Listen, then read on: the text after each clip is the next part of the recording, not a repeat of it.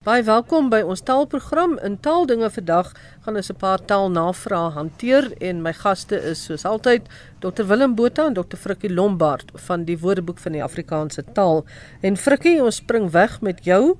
Jan Joubert van Onrus. Hy het 'n voorstel vir lipstiffie. Hy is nie so gelukkig met die naam lipstiffie nie en dan ook oor alternatiewe vir die Engelse in 'n row. Ja, eh, Jan sê dit is uh, vir hom onaanvaarbaar dat die skoner geslag lipstifie aan hulle lippe smeer. En uh, hy voel dat uh, iets soos lipsel 'n uh, beter opsie is. En dan hoor hy ook baie keer uh, daar word gesê ek gaan gou lippies maak. Nou daardie lippies maak is 'n uitdrukkingagtige ding wat beteken jy gaan dan nou die lipsel of die lipstifie of die lipstif aanwend. Nou lipstifie is iets wat alreeds baie lank ingeburger is Jan. En 'n mens kan nou met allerlei mooi slim woorde kom om dit te vervang. Ons noem dit baie keer die idiolek. Dit is 'n individu se persoonlike variant van woordeskat of van die taalstelsel versus die gemeenskapsin. Maar dan het dit nie werklik 'n kans om die term wat reeds baie lank vasgelê en bekend is te verplaas nie. Die eerste opgawe byvoorbeeld wat ons in die WAT het van lipstifie en ons moet ook onthou dat die Nederlands lippenstift ken is in 'n burger uh, in 'n advertensie en dit was in 1957. So die die woord is dus al vir dekades reeds uh, ingeburger. En en daardie stif het inderdaad 'n soort betekenis wat wat uh, ooreenstem met 'n baie klein stafie soos dit in Engels ook is die stick, 'n klein stokkie as dit ware. Dit is aan die een kant, uh, ek kan net sê lipsel wat hy voorstel, het twee opgawes byvoorbeeld in die beeld teenoor 606 van lipstifie en 40 van lipstif wat ook soms gebruik word. In die burger is dit omtrent dieselfde, daar's 0 van lipsel in die burger teenoor 660 van lipstifie en 34 van lipstif. En dan vra hy oor die in a row wat ons kry en hy vra ons moet 'n bietjie praat daaroor. Ons praat baie keer van agtereenvolgens en na mekaar en hy vra Jan vra dan wat is verkeerd met hy het die toernooi sê maar nou al 3 keer op 'n streep gewen. Nou Jan, ek dink dit is heeltemal aanvaarbaar. Mense kry dit ook so in woordeboeke. Op 'n streep het miskien 'n idee van agtereenvolgens gewoonlik vinnig volgende op mekaar. Maar dit kan beslis gebruik word. Dit is net interessant hoe mense in die volksmond wil ek amper sê begine praat van uh, ek sit net gou my lippe aan. Mm. En ons almal weet al wat dit beteken. Ja ja. Jy sê nie meer meer lipstif nie. Ek sit net gou lippe aan en dan as ek by jou. Ja. Goed Willem, Tinus Venter vra waar die uitdrukking om hare op jou tande te hê vandaan kom. Tinus om hare op jou tande te hê beteken natuurlik jy baie deursettingsvermoë het. En dit neem ons terug na die Switsers. Nou die Switsers was die eerste bekende huursoldate en hulle sou by enige leer aansluit as die betaling goed en reg was. In teenstelling met hulle neutrale beeld van vandag as kokokolosiemakers was hulle destyds kranige krygers wat gevrees is vanweë hulle onverskrokkenheid. Nou om hierdie beeld verder te bevorder, het hulle woeste snorre gekweek wat hulle lippe en hulle tande grootendeels verberg het.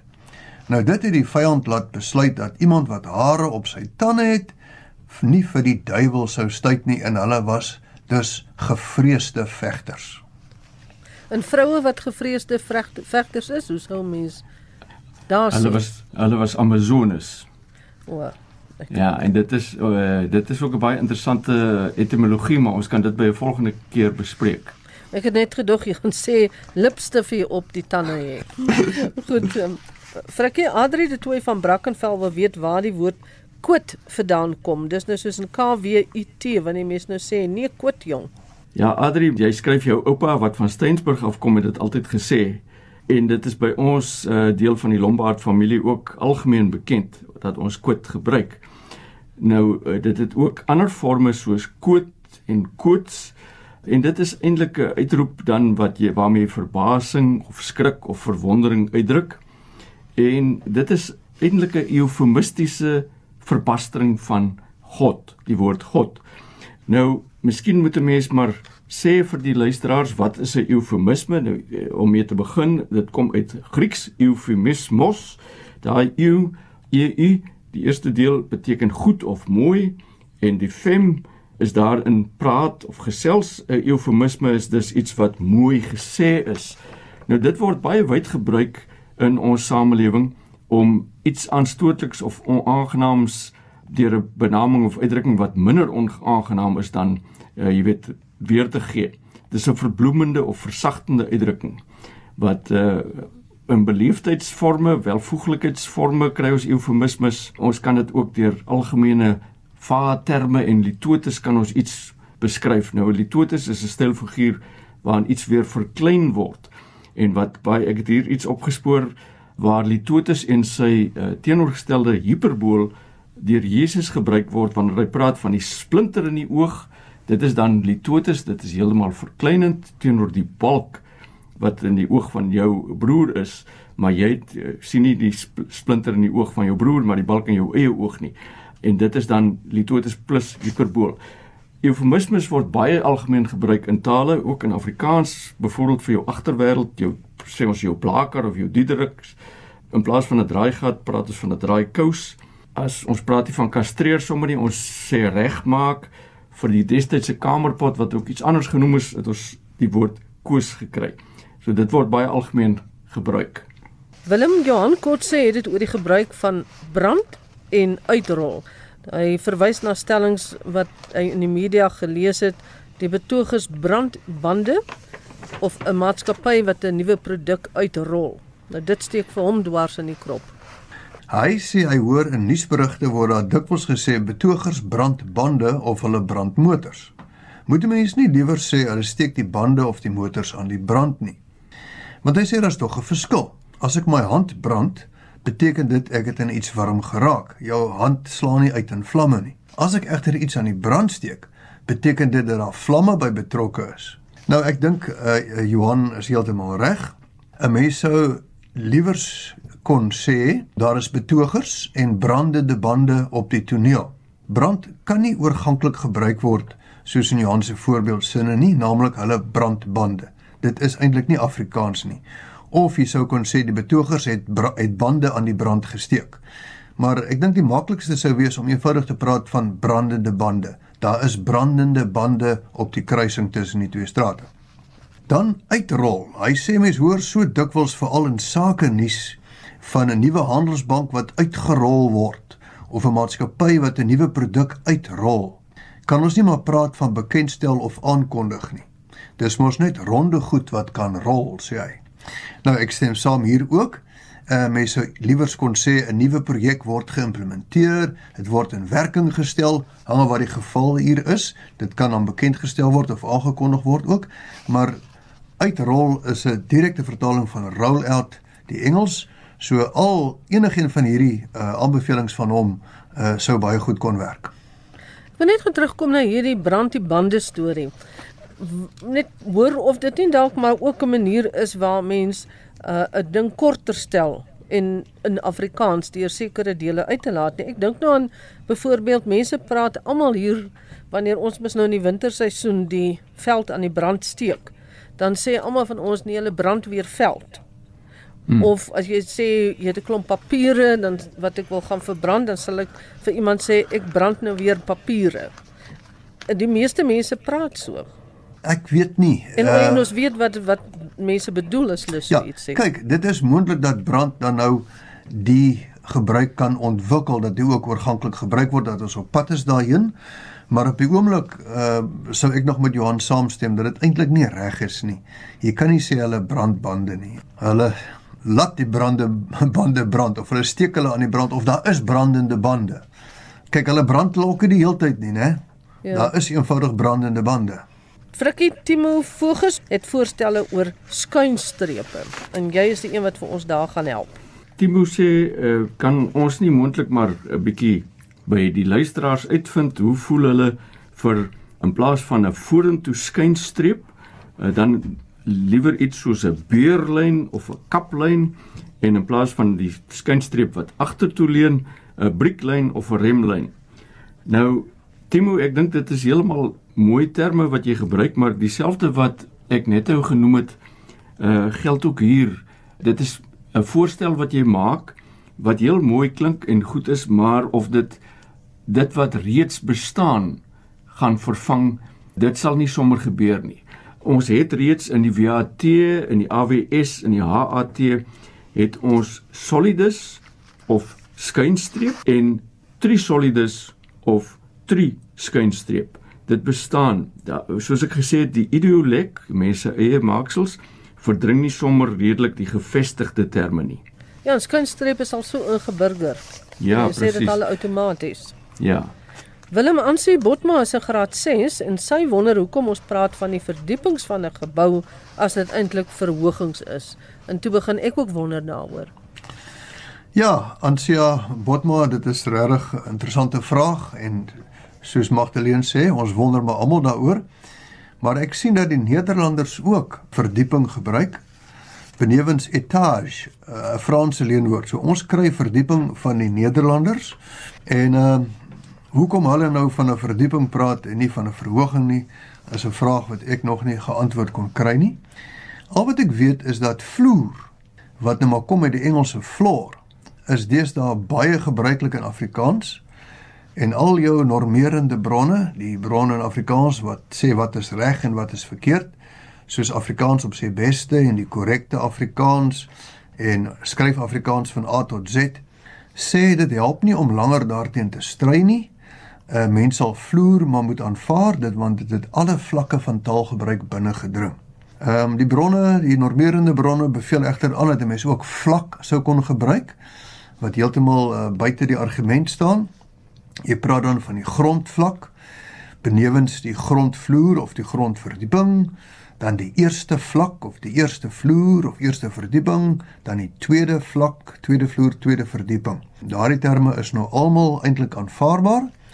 Interessant genoeg in Amerika as hulle praat van die first floor, dan is dit die grondverdieping of die grondvloer of die grondvlak. So hulle begin onder met first en dan ons eerste vloer is dan hulle second floor. So hierdie verdieping is nie noodwendig 'n uh, uh, letterlik dat hy dieper gaan onder toe nie. 'n Gat grawe. Kyk, jy kry nou 'n kelderverdieping, maar ehm um, dit is baie interessant. Uh, ek dink jy gaan boontoe en onder toe. Ja. Ja, dit, ja, dit lyk my ook so. Dit is as enige iemand wil insette lewer kan hulle gerus vir julle of vir my laat weet. Maar ek ek is baie geïnteresseerd hierin en ek dink ons gaan so 'n bietjie navraag doen en kyk of Mm. ons vorentoe iewers 'n antwoord of 'n verduideliking kan kry daarvoor. Baie dankie Willem. Frikkie Martina wil weet waar die uitdrukking waar het Dawid die wortels gegrawe vandaan gekom. Ja, ons kry dit uh en ek kry dit by Anton Prinsloo se boek in die vorm van iemand wys waar Dawid die wortels gegrawe het of soms ook begrawe het. Dit kan dan beteken uh dat jy iemand as dit ware 'n lesie wil leer, selfs iemand berispe. Nou Anton se verklaring hier is dat jy het 'n plant gekry die Dawietjieswortel of Dawietjiewortel. Party mense het ook praat van Dawietjiesgoed. Uh, dit is 'n plantsoort wat baie giftig is vir diere veral. Leipold praat ook van 'n van 'n merwe man wat sy vrou met kattekrye en dawietjies goed vergewe het. Nou daai vergewe beteken natuurlik dat jy hy die vrou uh, vergiftig het. En soos ek gesê het, die dawietjies goed is 'n ander naam vir dawietjie wortel.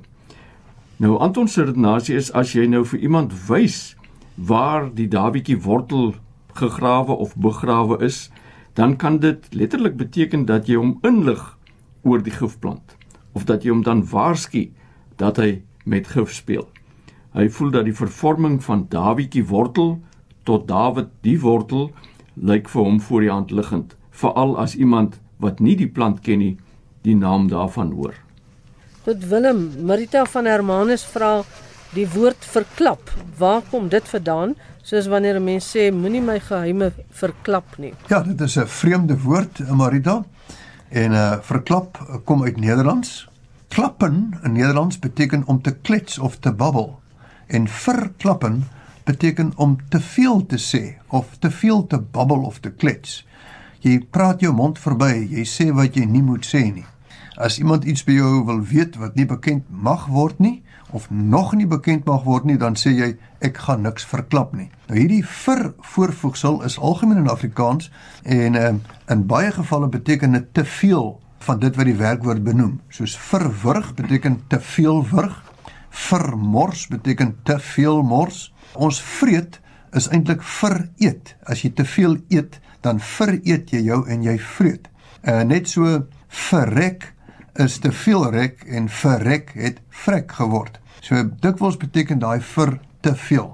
Net so so dan ook in die geval van verklap beteken dit jy klap te veel, jy praat te veel. Dit lyk my ons het tyd vir nog 'n laaste taalnavraag vir vandag se program. Rodney Edgecombe van Kaapstad het 'n berig gehoor waarna gepraat is oor huise in KwaZulu-Natal wat oorstroom het. Hy wil weet is dit korrek om so te praat?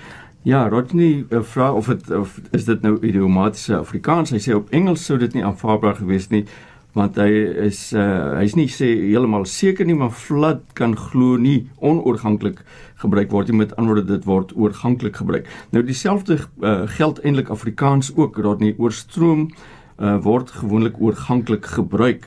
Die rivier het die landerye oorstroom. En in daardie opsig is uh, iets soos die huis is oorstroom waarskynlik nie tegnies so korrek nie. Die huis word oorstroom of dit is oorstroom, maar ons kry in die in die taal iets soos 'n uh, metonimie. Dit beteken eintlik 'n verandering van naam. Jy gee amper iets 'n ander naam. Dit is soos wanneer ons sê 'n ketel kook, dis nie die ketel wat kook natuurlik nie, maar die water daarin. 'n Bad wat uitloop is ook nie dis die water wat uitloop en 'n dierwinkel is eintlik so omdat die artikels daarin duur is. Uh dis dis nie die volle waarheid nie.